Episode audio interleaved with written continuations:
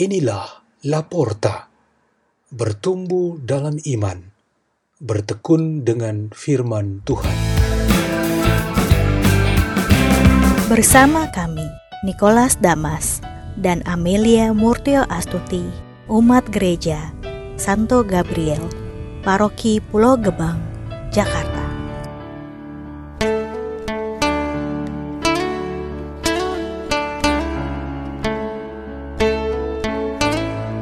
Bacaan dan Renungan Sabda Tuhan. Hari Rabu, Pekan Biasa ke-27, 7 Oktober 2020 Peringatan Santa Perawan Maria, Ratu Rosario.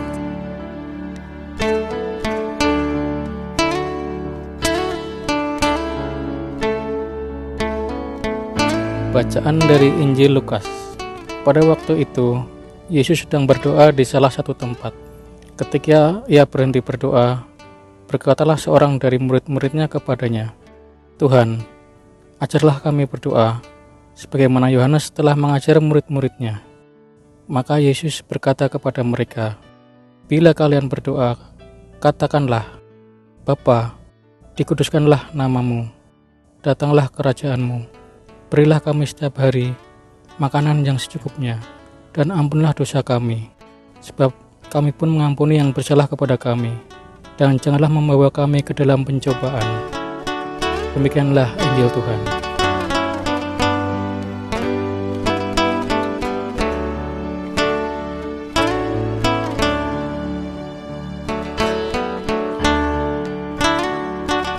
Renungan kita pada hari ini bertema Sukses Plus. Pada hari ini kita sebagai umat gereja memperingati Santa Perawan Maria, Ratu Rosario. Devosi kepada Bunda Maria Ratu Rosario yang begitu merata dan kuat oleh umat Katolik merupakan buah perjalanan panjang gereja dalam mempertahankan iman dan melawan musuh-musuh yang bermaksud menghancurkannya. Sangat populer, pas untuk segala waktu dan tempat, berfungsi untuk segala keperluan, dan disukai semua kalangan manusia. Rosario menandakan suatu sukses gereja dalam membuat anggotanya menjadi umat yang devosional. Umat devosional berarti mereka memiliki cinta, rasa suka, dan kedekatan dengan subjek tertentu yang kepadanya mereka menaruh hormat dan ketergantungannya. Umat Katolik melakukan ini kepada Bunda Maria. Ada begitu banyak kesaksian di antara kita yang menegaskan peran dan pertolongan Bunda Maria atas keberhasilan, keuntungan, dan keselamatan yang mereka alami. Bunda Maria adalah contoh paling pas untuk menggambarkan suatu hidup yang sukses plus.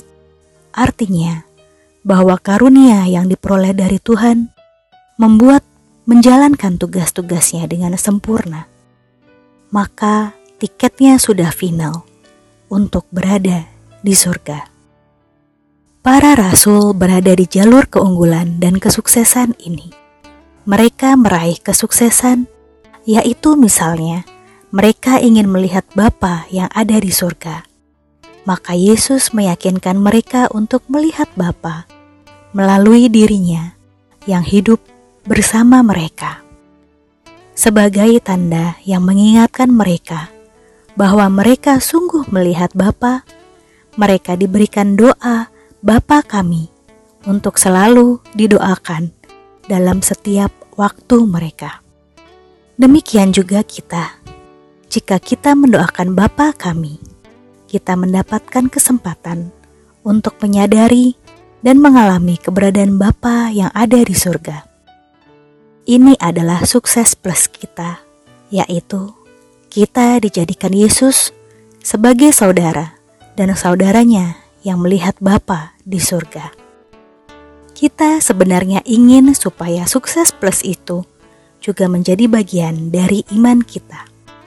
Kita mesti terus bersemangat untuk mendapatkan kesuksesan dalam usaha dan kerja kita buah-buahnya menjelaskan sendiri apa yang kita inginkan dan cita-citakan, meskipun sering tidak cukup atau maksimal. Ada kalanya hasilnya negatif, bahkan nihil, namun tidak akan meniadakan niat kita yang sesungguhnya.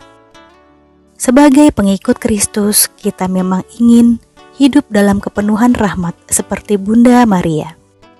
Kita hendaknya mengikuti teladan Santo Paulus yang menekankan nilai plus dalam iman kita, yaitu karena kemuliaan Tuhan. Semua yang kita kerjakan dan hasil yang kita dapatkan adalah untuk kemuliaannya. Marilah berdoa dalam nama Bapa dan Putra dan Roh Kudus. Amin. Allah Bapa di surga, hati kami dipenuhi sukacita dengan karunia kehidupan di surga yang disiapkan bagi kami. Semoga kami tetap setia kepada jalan Yesus Kristus yang sedang kami lalui saat ini. Salam Maria, penuh rahmat, Tuhan sertamu. Terpujilah engkau di antara wanita, dan terpujilah buah tubuhmu Yesus. Santa Maria, Bunda Allah, doakanlah kami yang berdosa ini, sekarang dan waktu kami mati. Amin. Dalam nama Bapa dan Putra dan Roh Kudus. Amin.